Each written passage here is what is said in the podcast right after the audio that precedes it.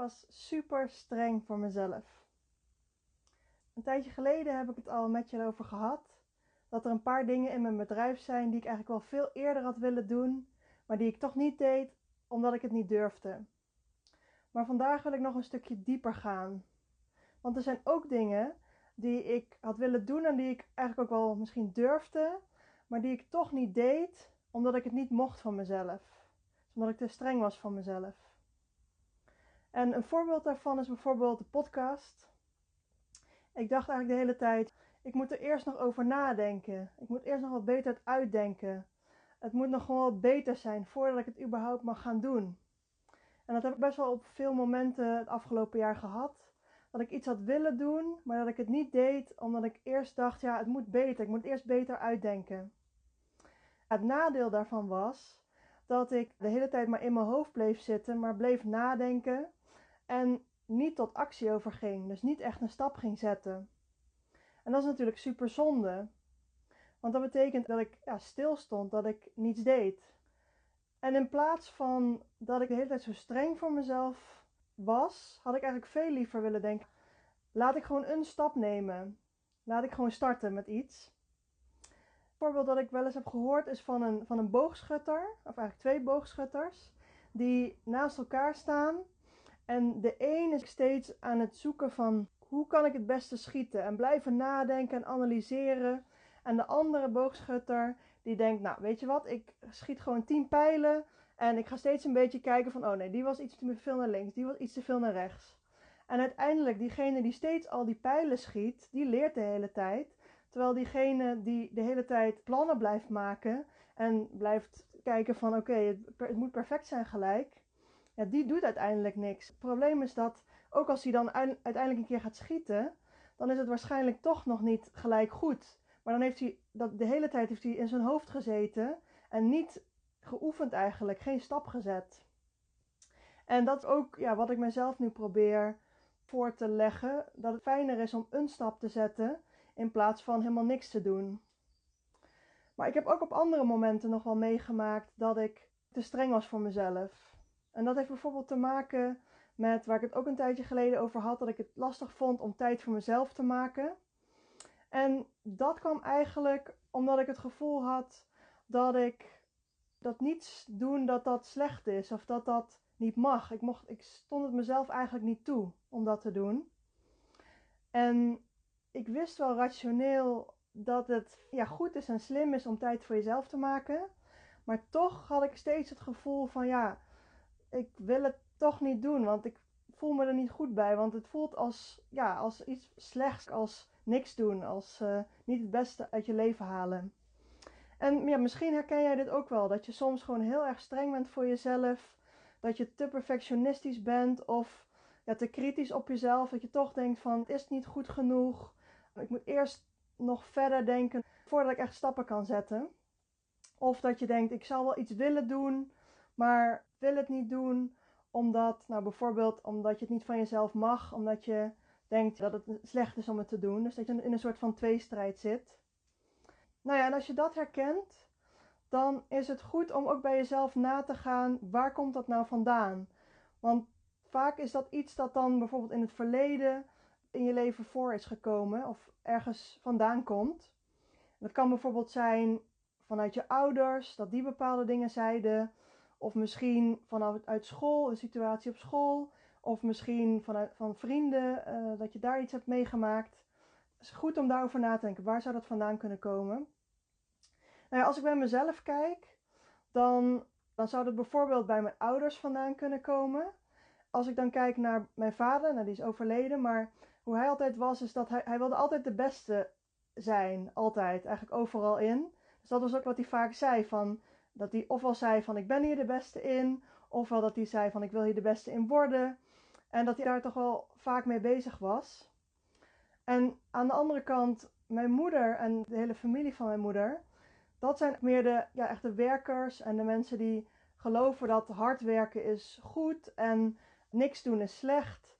Als je veel werkt, dan ben je goed bezig.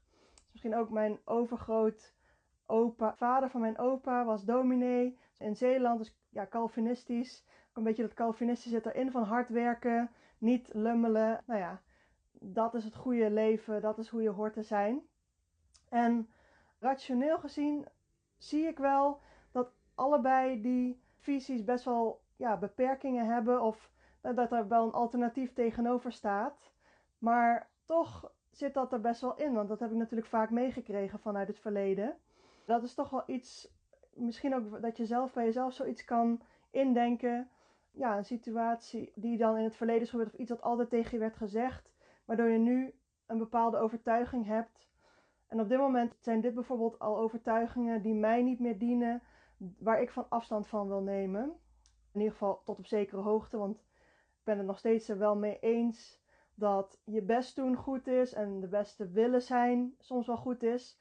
Maar de combinatie van de beste zijn en hard werken en daar zat dan ook vaak achter, ja, het is ook nooit echt goed genoeg, het kan altijd beter.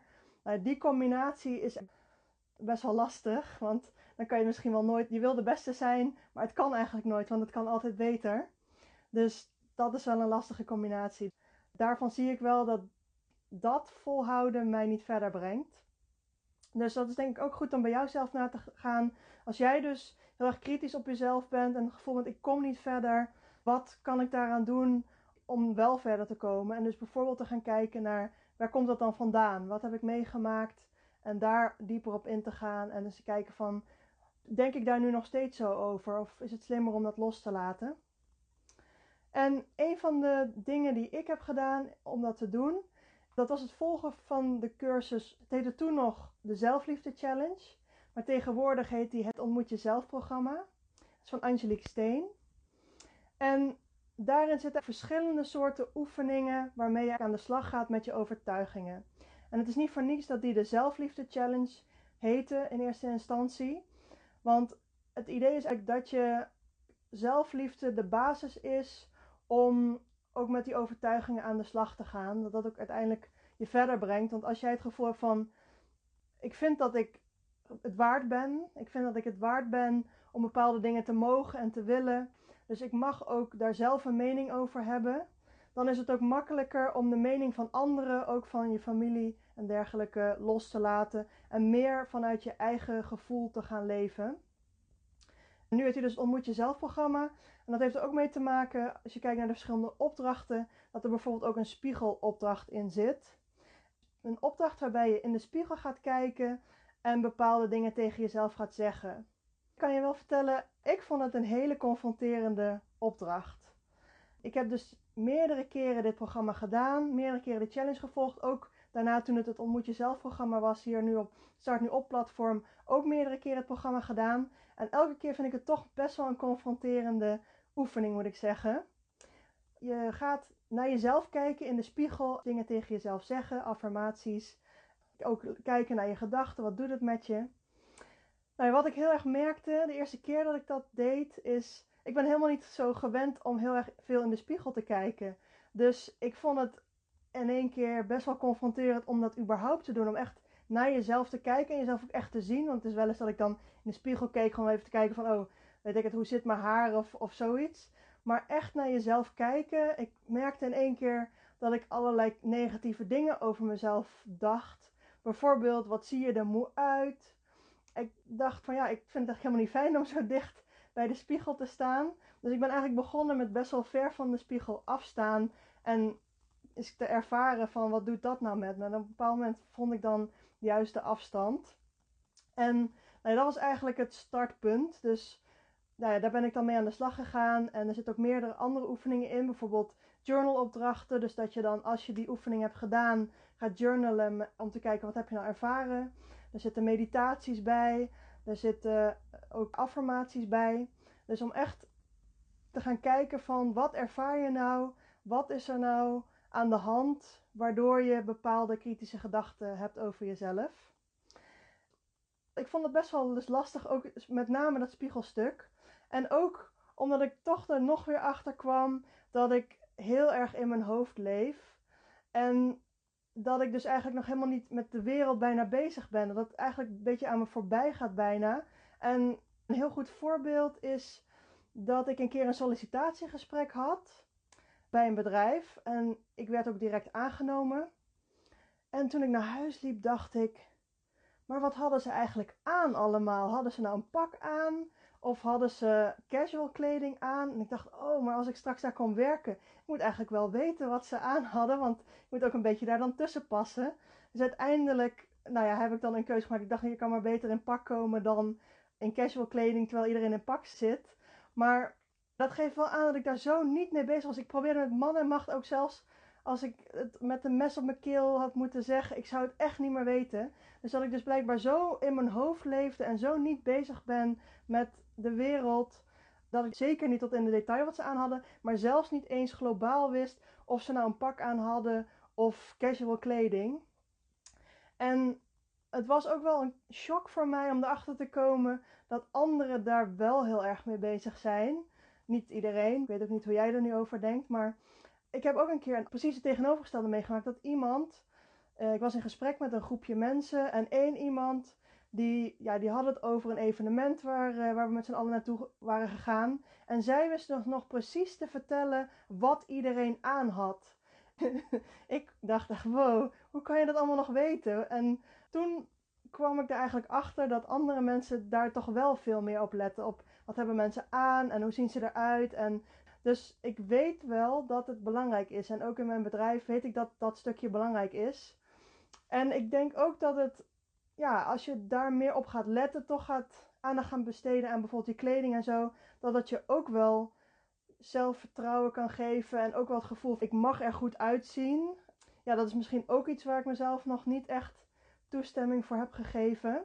Dat is wel een mooi proces om doorheen te gaan. Dus het effect is ook nadat ik dat programma heb gevolgd. Nou, ten eerste op dat moment, toen ik het de allereerste keer volgde, dat was, dat was volgens mij uh, ruim een jaar geleden, geloof ik. Ja, zoiets. Toen had ik nog op Instagram als avatar mijn logo. En op mijn hele tijdlijn was ik helemaal niet te zien. Dus er waren ook af en toe mensen die zeiden: Nou, ik ben wel benieuwd wie er achter dit account zit. Want ik heb echt geen idee.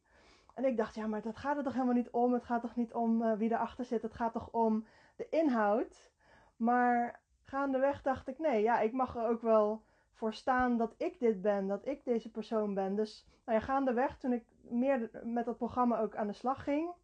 Nou, heb ik uiteindelijk ook de keuze gemaakt om bijvoorbeeld een fotoshoot te doen. En meer foto's op mijn account te zetten. En als avatar dus ook een foto te selecteren. Uiteindelijk is het ook een, een proces van ja, meer zichtbaar worden uiteindelijk. Je toestaan om, zoals ik nu doe bijvoorbeeld, ook in mijn eentje live te gaan, over mezelf te vertellen aan andere mensen. En dus ook meer te laten zien van de persoon achter het bedrijf. Dus als jij daar ook tegenaan loopt, nou ja, misschien niet eens, ik durf het niet, maar meer dat je misschien denkt van ja, ik ben toch niet belangrijk genoeg, het gaat toch om de inhoud. Dat is ook een gedachte waar je dus mee aan de slag kan. En waar je ook heel veel voldoening uit kan halen als je uiteindelijk wel die stappen hebt gezet. En als je uiteindelijk wel dus ook ja, persoonlijk met mensen in contact komt om ook echt te laten zien, ja, wie, sta, wie ben jij en waar sta jij voor? En om dat mogelijk te maken, om echt dus voor jezelf te gaan staan, jezelf te laten zien, niet alleen letterlijk, maar ook figuurlijk dus nog qua inhoud en ook die combinatie, dat mensen echt weten, oké, jij bent dat dus echt dat is wel echt een mooi proces om doorheen te gaan. Dus als je daar nog niet bent, dan is dat wel, dat kan je bedrijf echt wel heel erg veel verder helpen. Dus ik kan het Ontmoet Jezelf programma echt heel erg aanraden. Dat, ja, het heeft mij in ieder geval heel erg veel gebracht. Dus als je daar meer over wil weten, ik zal zorgen dat er informatie beschikbaar is, zodat jij daar ook mee aan de slag kunt gaan. Nou ja, laat het weten als dit ook voor jou herkenbaar is. Dat hoor ik graag. En als je hier iets aan hebt gehad. En dan spreek je snel weer.